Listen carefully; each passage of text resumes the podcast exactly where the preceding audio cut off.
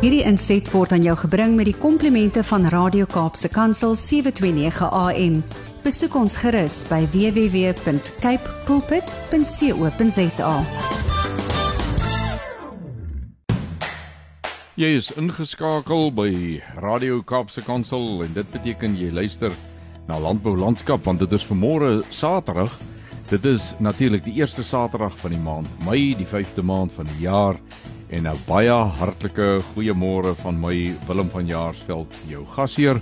Tussen 7 en 8 elke Saterdagoggend op die senders van Radio Kaapse Kansel. Jy kan natuurlik ook wêreldwyd na ons luister op die internet, maar waar jy ook al luister, ek hoop jy kuier lekker saam met my in die volgende uur. Vanoggend bietjie meer in ons tradisionele manier van program aanbied, 'n tradisionele volgorde en indelings om 10 oor 7 kom saad vir die saaier aan die beurt. Ons skrifgedeelte van môre Markus 4 vers 8 en die tema die grond van my lewe. In Kapstok kyk ons so 20 oor 7 na wat gaan aan in 'n landbou nuus.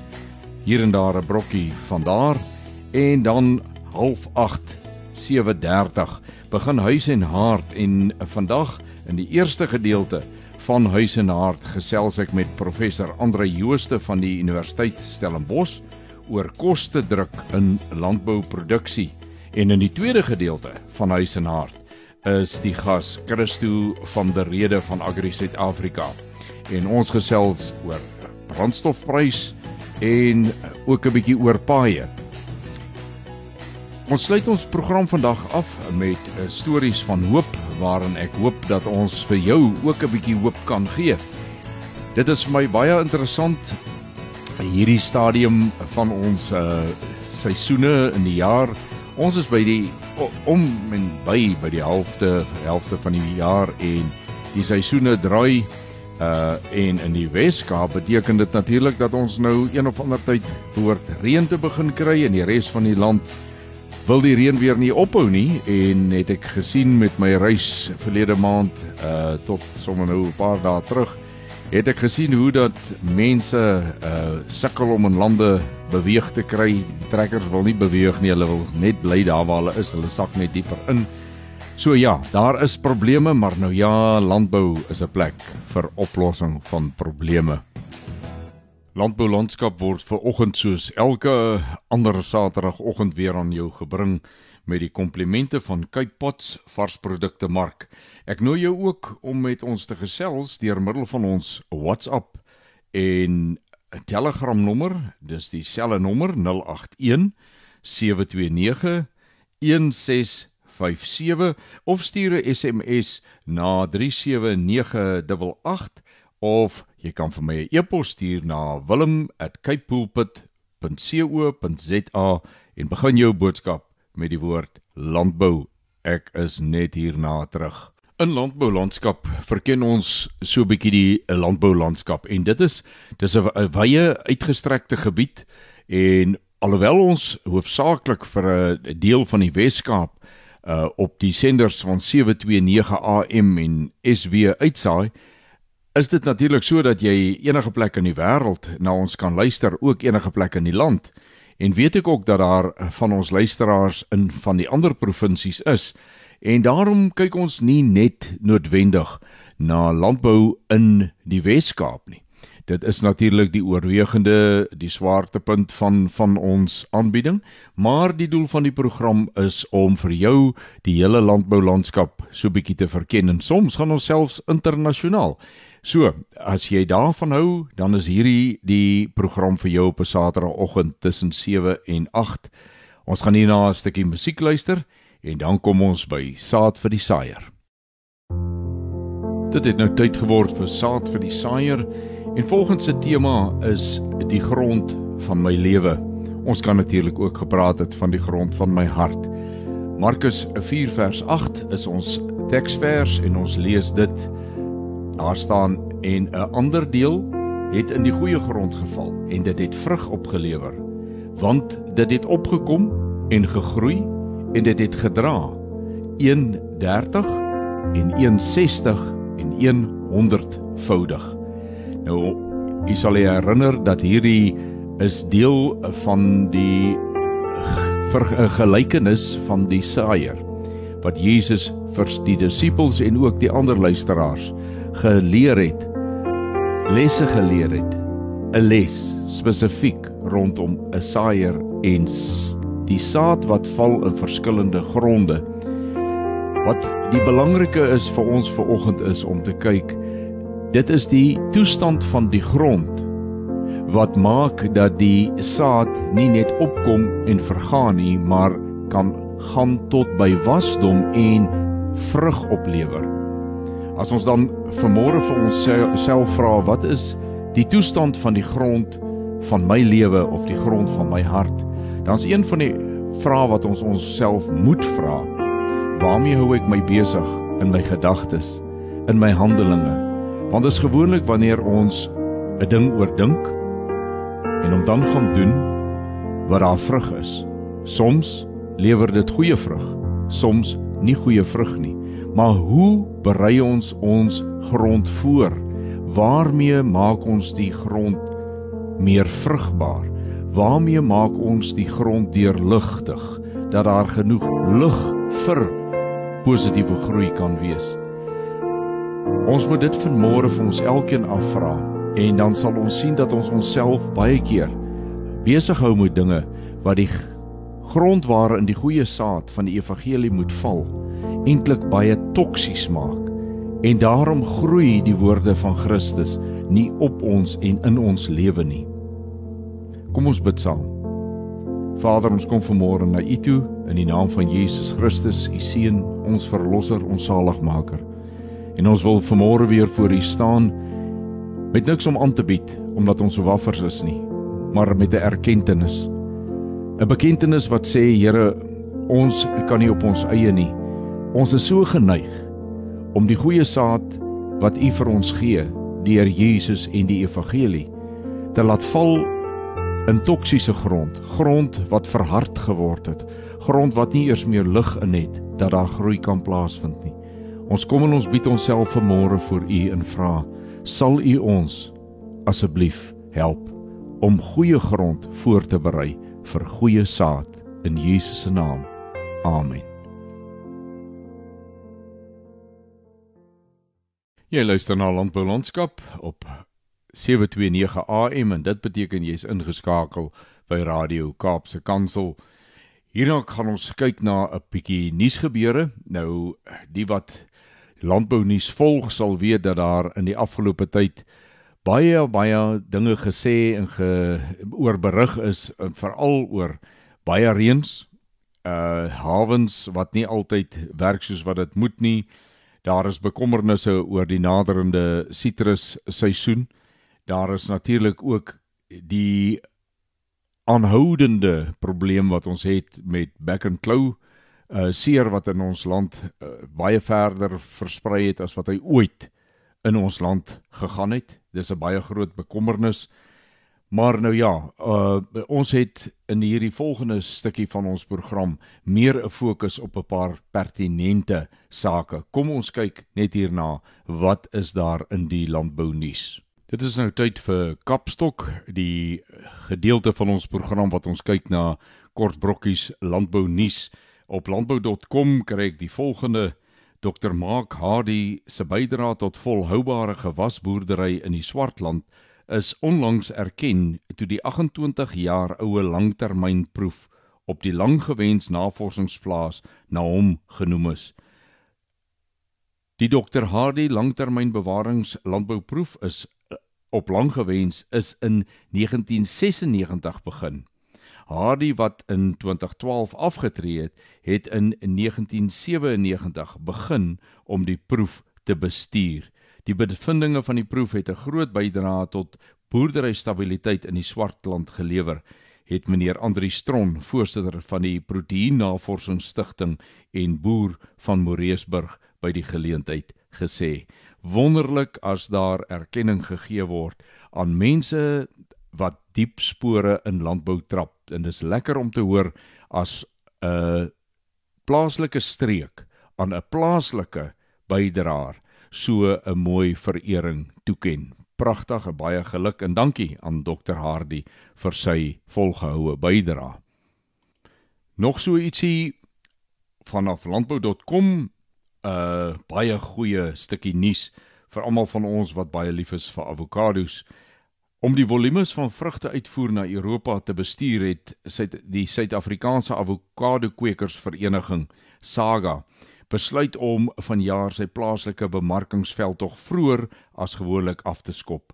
Die Eden Avokado veldtog wat gewoonlik eers gedurende Junie en Julie gehou word, het vanjaar reeds in April begin. Dit verduidelik meneer Derek Donken, uitvoerende hoof van die Sambreel liggaam vir subtropiese gewasse Saptrop, is gedoen om die vroeër produksiespits van die plaaslike bedryf te help absorbeer. In die verlede het ons produksie eers sy hoogtepunt in die middel van die jaar bereik, maar vanjaar lyk dit of ons en ons buitelandse mededingers vroeër in die seisoen reeds groot volumes het om te bemark. Ja, wat vir die ene probleem is, is natuurlik vir die eters van die produk glad nie 'n probleem nie. Ek wil amper sê bring hulle, bring hulle, ons sal julle help om dit 'n bietjie weg te werk. Ons weet dat die afgelope 2 jaar veral het al wat 'n landbou skou en landbou geleentheid is, so 'n bietjie eh, pak gekry, skibreek gelei, baie kon nie aangebied eintlik niks van dit kon aangebied word nie. Maar ek lees ook op landbou.com dat uh, Nampo sy vere regskit vir die 2022 uh aangeleentheid. Daar staan geskryf op landbou.com die toerismebedryf in die Noordwes Vrystaat is baie dankbaar dat die Nampo Oesdag van 16 tot 20 Mei die eerste keer sedert 2019 weer aangebied word. Ons is chokkenblok vol bespreek en ek hoor die verblyf op dorpe soos Klerksdorp, Potchefstroom, Oknie en Viljoenskroon is ook lekker vol. Vertel me het Etienne van Abu, eienaar van die grootste gastehuis op Botawil, Louvre gastehuis en 'n lid van die plaaslike sakekamer. Sy sê hulle kry steeds navrae vir verblyf tydens Nampo. Nadat die plaaslike toerismebedryf hard deur die COVID-19 pandemie getref is, staan sy verbaas dat hulle baie mense moet wegwys. Ek is heeltemal uit die veld geslaan. Daar is groot besprekings wat ons na elders moet verwys. Na 2 jaar van stilte in die toerismebedryf, vir veral tydens Nampo tyd, gons die dorp van bedrywigheid. Vir oh, ekskuus bedrywigheid, dit is heerlik. So sê mevrou van Abu oor Nampo. Nou ek weet ook dat daar 'n klomp ander skoue reeds plaasgevind het en dan is daar ook sulke geleenthede wat nog in die vooruitsig gestel word vir die res van ons jaar. Dis lekker om weer te kan sien dat ons so saam kan kuier, dit kan geniet en ek hoop nie daar is 'n vyfde golf wat nou weer hier wil kom amok maak nie. Uh kom ons bid dat hy sal 'n ander nes skop. So terwyl ons later in ons program ook gaan raak aan die toestand van paaie en wat Agri SA daar rondom bymekaar gemaak het, net so 'n kort stukkie eh, wat ek ook lees op landbou.com, die skokkende toestand van paaie in landelike gebiede landwyd knie alter nie net bedrywighede in die melkbedryf nie, maar die landbousektor se algehele ekonomiese groei as ook voedsel en werksekerheid, sê Tiptop Milk. Vanaf November 2021 tot Februarie vanjaar het die logistieke maatskappy Tiptop Milk 176000 rand aan herstelwerk van sy vloot bestee weens swak padtoestande in KwaZulu-Natal, sê meneer David De Jager, uitvoerende hoof van Tiptop Milk. Dit het daartoe gelei dat die maatskappy moes besluit waar hy melk kan afval en aflewer wat 'n impak op die hele melkwaardeketting as ook boere en verbruikers het. Dit is natuurlik die groot verhaal van ons land. Dit lyk soms asof diegene wat vir paaie infrastruktuur verantwoordelik is, heeltemal die res van die waardeketting, die hele ekonomie wat rondom hulle paaie gebou is, uit die oog verloor en geen skakeling met daai deel van die ekonomie het nie. Tog so jammer. Dit is dan die einde van Kapstok vir vanoggend. In huis en hart het ons vanmôre 'n uh, lekker mengsel. Ons uh, gesels met professor Andre Jooste En ek dink dis 'n term wat ons dalk redelik algemeen al ken. Die ding wat ons van praat is die koste knyptang. Nou vir baie mense beteken dit verskillende dinge, maar ek kan vir u sê dokter uh, of professor Andre Jooste sal nou vanmôre vir ons dit baie mooi uiteensit wat dit regtig beteken op boerdery vlak. En dan ons het 'n tyd gelede gepraat met meneer Christo van der Rede van Agri SA oor voorstelle oor die brandstofprys en mense het gewonder gaan die regering luister en dis meer en dan natuurlik het Agri SA opname gemaak oor die stand van paaie, die infrastruktuur paaie in hierdie land en ons gesels bietjie met Christo van der Rede vanmôre oor daardie bevindinge van Agri SA bly ingeskakel. Ek is net hierna terug met huis en hart. Jy luister na Landbou Landskap en vanmôre is dit my groot voorreg om te gesels met uh professor Andre Jooste van die Universiteit van Stellenbosch se departement landbouekonomie. Goeiemôre Andre. Goeiemôre Willem en goeiemôre ook aan die luisteraars. Andre, ons het uh in die verlede en selfs nou hoor ons vreeslik baie van die term uh koste knyptang. Nou daar is, ek wil amper sê akademiese uh konnek koneksie konteks daaraan, maar daar is in die praktyk definitief dit wat die boer aan sy sak voel. Kan jy gou vir ons hierdie twee wêrelde net verduidelik? Ja, Willem, ek dink wanneer ons kyk na die uitsetkant van die boer, ehm um, uh in die mark, hy is 'n prysnemer, met ander woorde, hy moet die prys vat wat op daai spesifieke oomblik in die mark uh, realiseer vir sy produk. Hmm. Daar is alternatiewe maniere hoe hy sy prys kan uh probeer bestuur, byvoorbeeld vooruitkontrakte en voorkeur uh verhoudings met uh, kleinhandelaars. Maar kom ons aanvaar die eenvoudige ene, hy is 'n is 'n prysnemer en hy aanvaar hy moet dus die prys vat wat hy kry vir sy produk. Aan die uitsetkant uh, geld basies dieselfde is dat hy moet die prys betaal waarvoor hy sy insette kan koop soos kunsmis en chemie uh en sy masjinerie. Uh so hy moet betaal wat daar in die mark dan op daai stadium beskikbaar is. So wat ons sien is is dat jou insetkoste oor tyd het vinniger gestyg ehm um, as wat ons sien is dat die uitsetpryse met ander woorde die plaashekprys wat die uh, produsent kry vir sy produk met ander woorde sy inkomste het oor tyd uh onder druk begin kom en wanneer die kostes vinniger styg as wat die prys styg van sy uitsette dan verwys ons daarna as die koste prys knyptang. Hmm. En dit is die groot dilemma waarmee landbou nie net in Suid-Afrika nie, maar ook wêreldwyd sit. Ek dink die verskil is net uh, baie ander lande, veral in die noordelike halfrond, is daar baie groter geneentheid deur hulle regerings om die produsente op verskillende maniere te ondersteun terwyl ons plaaslike produsente uh byna geen hulp uh vanaf ons regering kry nie en hulle moet hierdie vrye marktoestande moet hulle kan afweer deur bestuurspraktyke, tegnologie en 'n klomp ander maniere om seker te maak dat hulle bly binne in boerdery. Nou as ons praat van tegnologie, uh dan is daar ook eintlik 'n uh, verskillende uh aspekte daarvan. Een is dat ons meer effektief begin boer, uh maar die in in in effektief beteken natuurlik ook die tipe plante wat ons gebruik moet 'n hoër opbrengs met dieselfde of minder insette kan lewer die bekommernis in my persoonlike gemoed is dat tot nou toe het dit vir ons gewerk dat ons kyk na al hoe beter tegnologie is dit vir die toekoms volhoubaar dat boere altyd net op hierdie twee komponente beter toerusting en beter plantgenetika kan staatmaak om kobbo water te hou? Ja Willem ek dink uh, tegnologie en beter toerusting is is definitief uh, deel van die antwoorde wat die produsent moet gebruik om seker te maak dat hy die koste knyptang kan bestuur en nog winsgewend kan boer en kan teruginvesteer binne in sy boerdery. Ehm um, maar dit is nie noodwendig die enigste faktor nie. Bestuur raak 'n kritiese komponent daarvan. Hmm. Om seker te maak dat jy dan wel die tegnologie en die nuwe toerusting wat jy wat jy aankoop ehm um, en die nuwe tegnologie wat jy gebruik ook optimaal kan bestuur.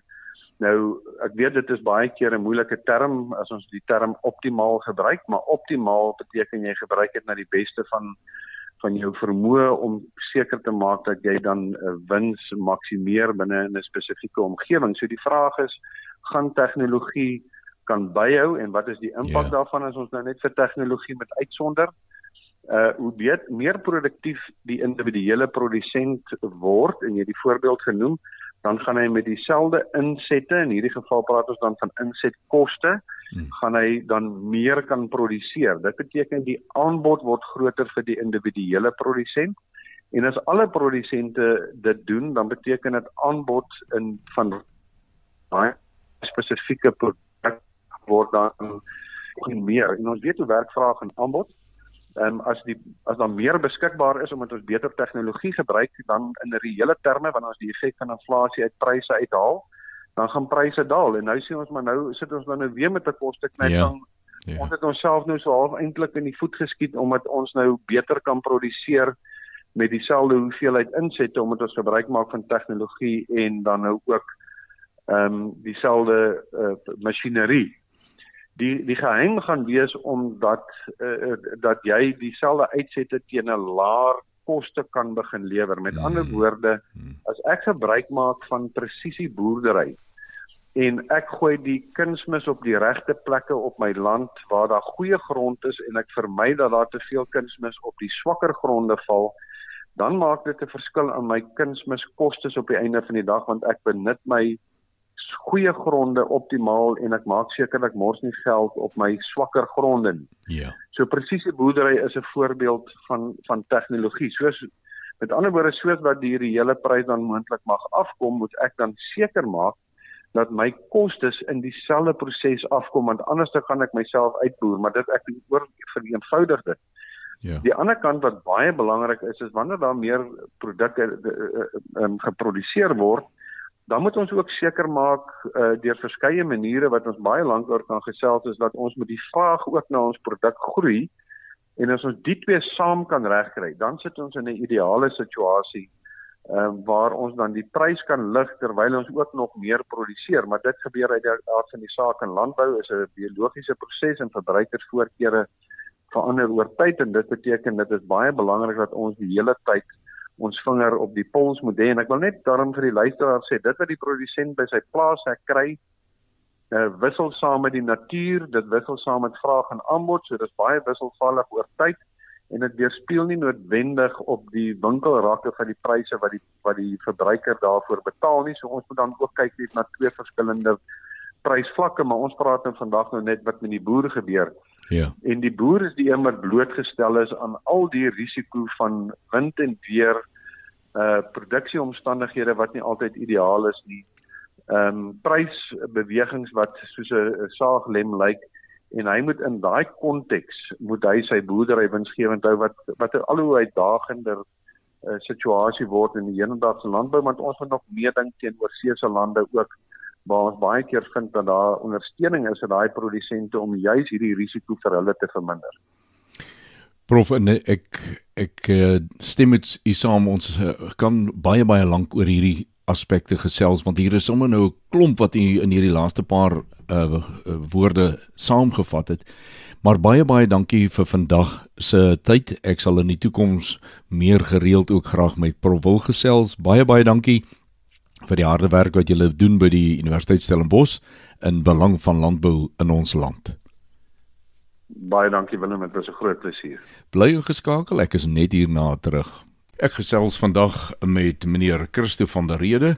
Hy is die uitvoerende direkteur van Agri Suid-Afrika. Goeiedag eh, Christo.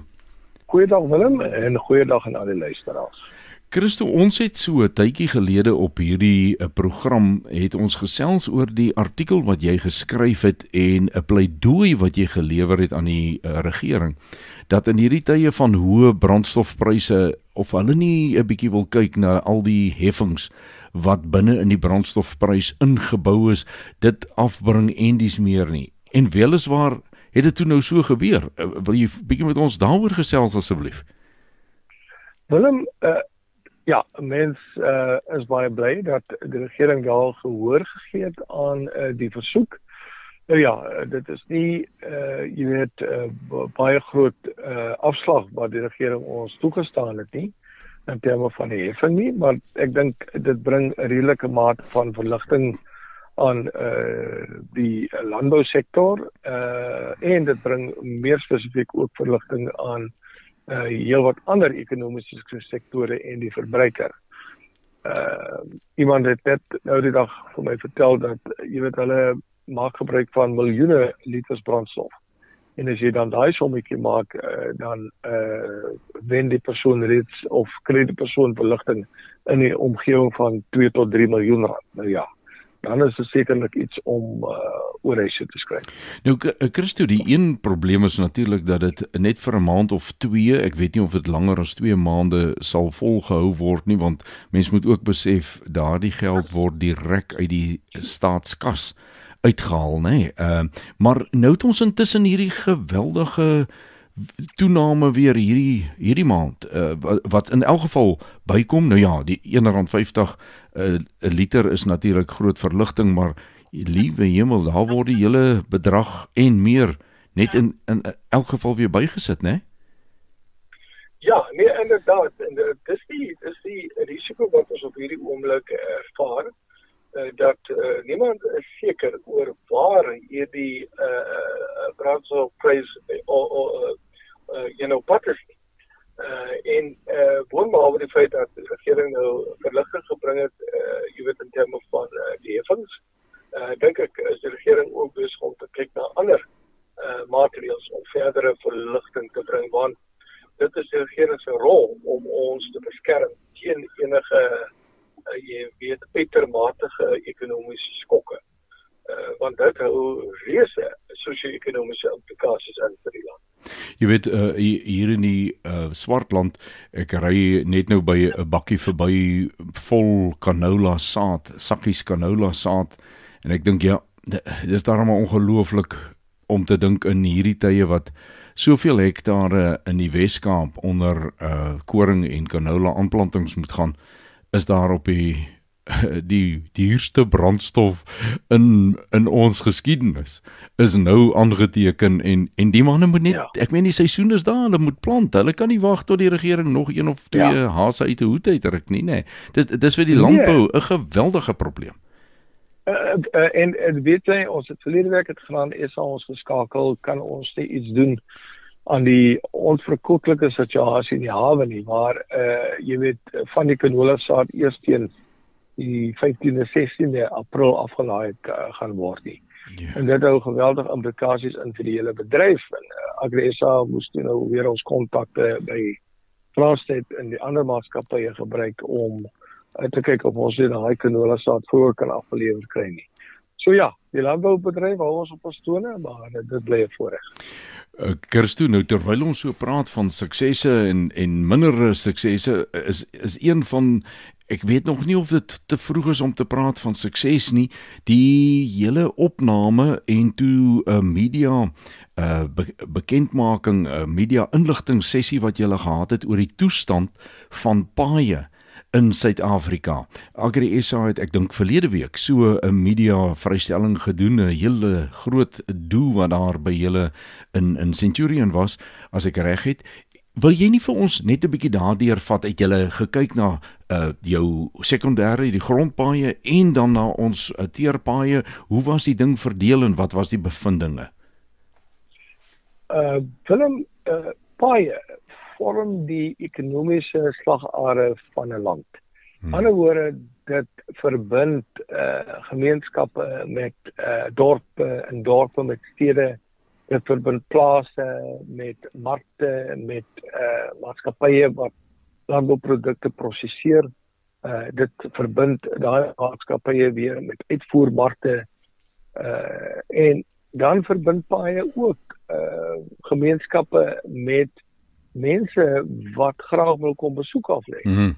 Uh, toeriste. Ja. Uh, en en familie. Uh, mm. Met ander woorde, baie speel 'n deurslaggewende rol in terme van die ontwikkeling van 'n land. As daai baie netwerk verval, dan bring dit baie interessant. Dit bring armoede, hmm. verval en disinvestering mee. Mhm. Mm uh en dit is waarom ons besluit het kom ons vra die provinsies om elk 'n opname te doen oor uh wat is die stand van paaie wat deur die landbousektor in daai provinsie ehm um, benut word en die uh, uitslae was was verrekend. Hmm. Dit is baie duidelik dat boere baie geld uitgee om hulle voertuie in stand te hou as gevolg van uh, die swak toestand van paaie. Hulle moet voortdurend bande vervang. Hulle moet voortdurend ander tipe van herstelwerk doen. Dit het 'n impak op die kwaliteit van vrugte wat gelewer word. As daai trok gaan staan met die melk of die trok gaan staan met die vrugte uh vir uh brande daar in die son, die melk raak suur en dit hou geweldige ekonomiese implikasies in vir boere en hulle werkers. En dan daarmee saam moet boere deesdae ook uh uh, baie meer doen as wat hulle 'n rol van hulle verwag om te doen. Hulle moet ook nou baie herstel. En dit is eintlik teen die wet uh want jy kan as spreker gehou word vir enigiets op daai pad as jy besig is om te werk op daai pad uh, en jy het nie die toestemming om op daai pad te werk nie. So dis 'n is 'n verskriklike onverkwikkelike situasie want wat doen die boere? Jy weet indien hulle die pad heeltemal onbegaanbaar is, hulle moet inspring. Hmm. Eh, jy weet want hmm. dit is die land se ekonomie en dit is die mense se behoefte aan kos wat daaronder kan lê. Met ander woorde dit raak ook voedselsekuriteit aan die einde ja, van die dag. Ja, ja. Uh so daai verslae het ons dan uh jy weet in in 'n paar verslae ingebou. Ons het 'n nasionale voor uh, verslag voorgehou aan die uh media Ons het ook uh provinsiale verslae voorgehou en dan het ons ook nou al hierdie verslae aan uh, drie departemente gestuur. Dit is departement van vervoer, die departement van uh, landbou, as ook die departement van publieke werke en ons het ook uh, die uh, presidentskap daarbey ingesluit. Want die president het in sy staatsrede die onderneming gegee dat baie geprioritiseer sal word. Ons het ook vroeër die jaar baie spesifiek uh, van ons kant af uh, dit onder die president se aandag gebring en hy het so spottender verwys daar. Mense wat hom stories vertel dat hulle glad hulle motors kan dwarsdraai in van die potholes. So as hmm. die president uh, as jy dan eers aan sy ervaring het van dit uh, kom ons maar dan ons doen dan iets daar. Jy weet uh, Christo ek het uh, met my omswervinge deur die land nou uh, sien ek baie paaie of beleef ek baie paaie. Ek het nou eendag spottenderwys gesê Die Vrystaat is so 'n bietjie beter as die Noordwes met hulle paaie, want in die Vrystaat se paaie groei daar daarom gras wat 'n bietjie hoog staan. Jy sien die eh, slaggat op 'n lang afstand en in die Noordwes is daar nie gras in die gate nie. So jy jy's op hom dan ervaar jy hier is nou 'n probleem. Nou dis eintlik jammer dat 'n mens sulke tipe grappe maak hier uh, oor, jy weet. Uh ja, So ek ek sê vir jou baie dankie dat ons 'n bietjie kon gesels hieroor. Daar's natuurlik nog 'n hele paar dinge wat ek graag sou wou gesels het oor die hele probleem met paaie. Uh ook die tydsverlies uh Christo, jy weet uh ons is baie keer daarop aangewese dat 'n voertuig moet vinnig gevra gaan aflaai, terugkom weer een en laai. Vandag op die paaie uh ek het my Moses teë gekom. Jy dink dis 100 km, jy gaan hom binne 'n uur kan ry en dan ry jy skielik 2 ure weens die toestand ja. van paaie. Dit is net Absoluut. Ja, dit is erg. Absoluut. Maar nou ja. Nee, uh uh ja. Christo baie baie dankie dat ons hieroor kon gesels het. Ehm uh, ek is bly jy kom so nou en dan in die Wes-Kaap laat jy kan sien dis nie hele land se paaie wat so sleg is nie, nê. Nee. ja, ag baie dankie vir jou tyd. Eh, Christo van der Rede, hy is die uitvoerende direkteur van Agri Suid-Afrika en hy het met ons gesels 'n bietjie oor die brandstof uh verligting wat daar was, maar 'n uh, prys, die prys van brandstof en dan natuurlik ook oor die paaie wat ons hoop daar kan verligting kom. Baie dankie Christo. Plesier Willem. Dit is nou tyd vir stories van hoop en van môre. Wil ek sommer net weer so 'n bietjie 'n paar gedagtes met jou die luisteraar deel en sommer ook met myself. Jy weet, 'n mens kan baie keer as jy so begin dink oor 'n saak, dan loop jou kop mos nou maar wye draaie. Ek ry ook baie en uh, sit baie ure agter die stuurwiel van my uh, bakkie en dis dinktyd daai. Dit is tye wat jy ook dink aan die verlede, jy dink aan die toekoms. En as ek dit nou kan aanhaak aan wat ons vanmôre in ons saad vir die saaier, die hele tema van hoe lyk die grond van my hart, hoe lyk die grond van my lewe, daarbey kan aanhak. dan wil ek dit op die volgende manier doen. Ons het mos as mense keuses. Ons het keuses wat ons aantrek, ons het keuses wat ons eet, waarmee ons ry, waar ons bly. Maar ons het ook 'n keuse waarmee ek my gedagtegang besig hou. En ek kom so baie mense te wat graag in die verlede wil aan die dinge wat vir hulle daar goed en reg en mooi en lekker was, wil vashak. Nou elkeen van ons het dit. Want daar was 'n klein tyd. Daar was 'n ouma en oupa kuiertyd. Daar was 'n speeltyd. Daar was 'n sommer net alles is lekker tyd. Daar was 'n tyd wat ons gedink het ons gaan nie groot word nie. Ons wou so graag groot word. Ons het so 'n drome gedroom van as ek eendag groot is. En toe kom daar die tyd wat ons wel groot is. En ons begin terugdink aan die tyd toe ons nie groot was nie. En dan is daar in ons later jare weer tye wat ons dink aan toe ons jonk was en vol krag en lewe en energie en alles was en ons het berge versit en ons het kans gesien om die wêreld op 'n ander plek te gaan neersit as ons net die kans sou kry.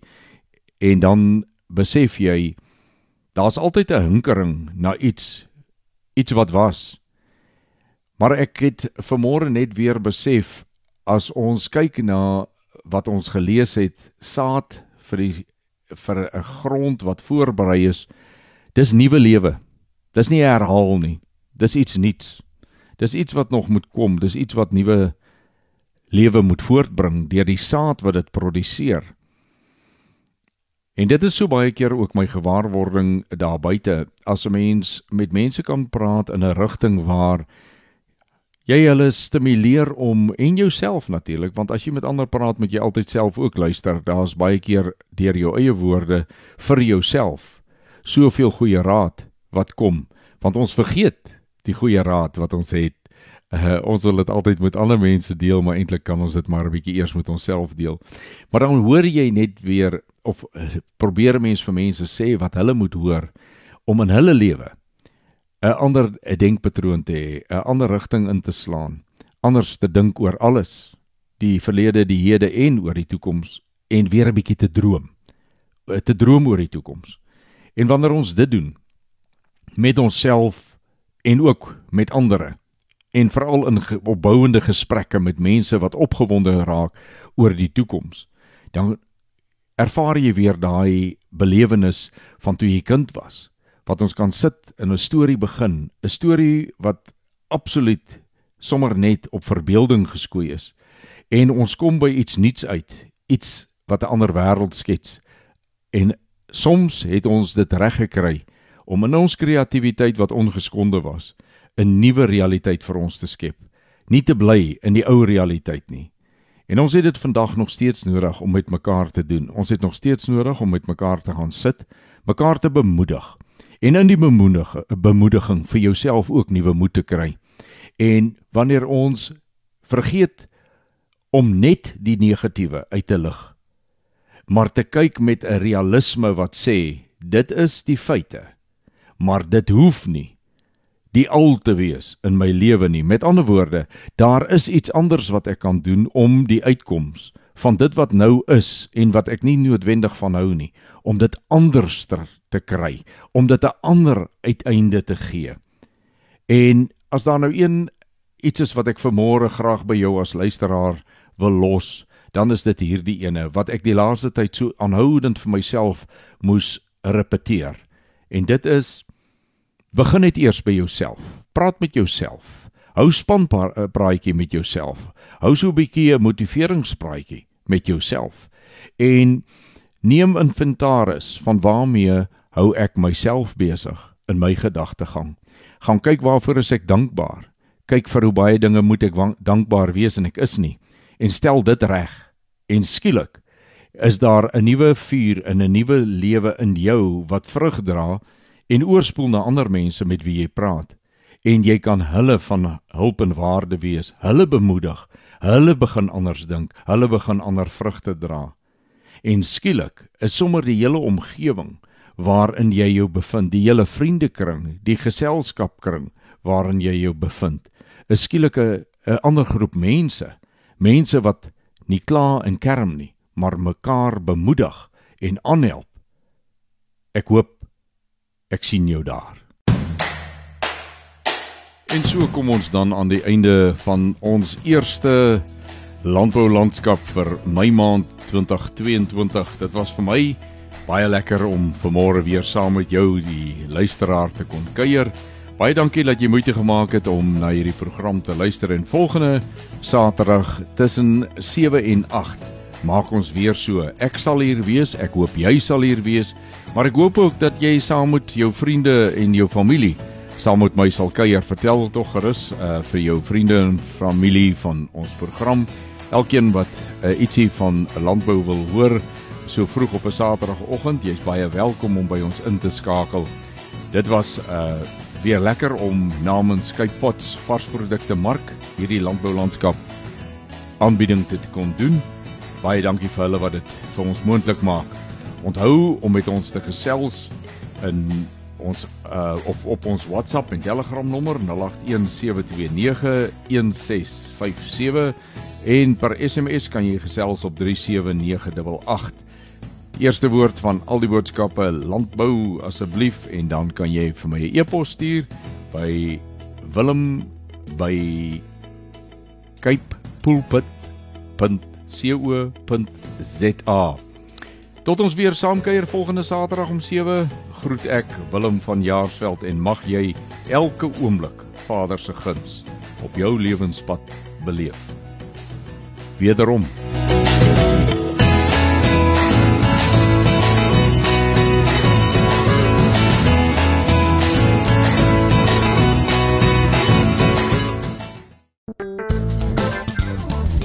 Hierdie inset was aan jou gebring met die komplimente van Radio Kaapse Kansel 729 AM. Besoek ons gerus by www.cape pulpit.co.za.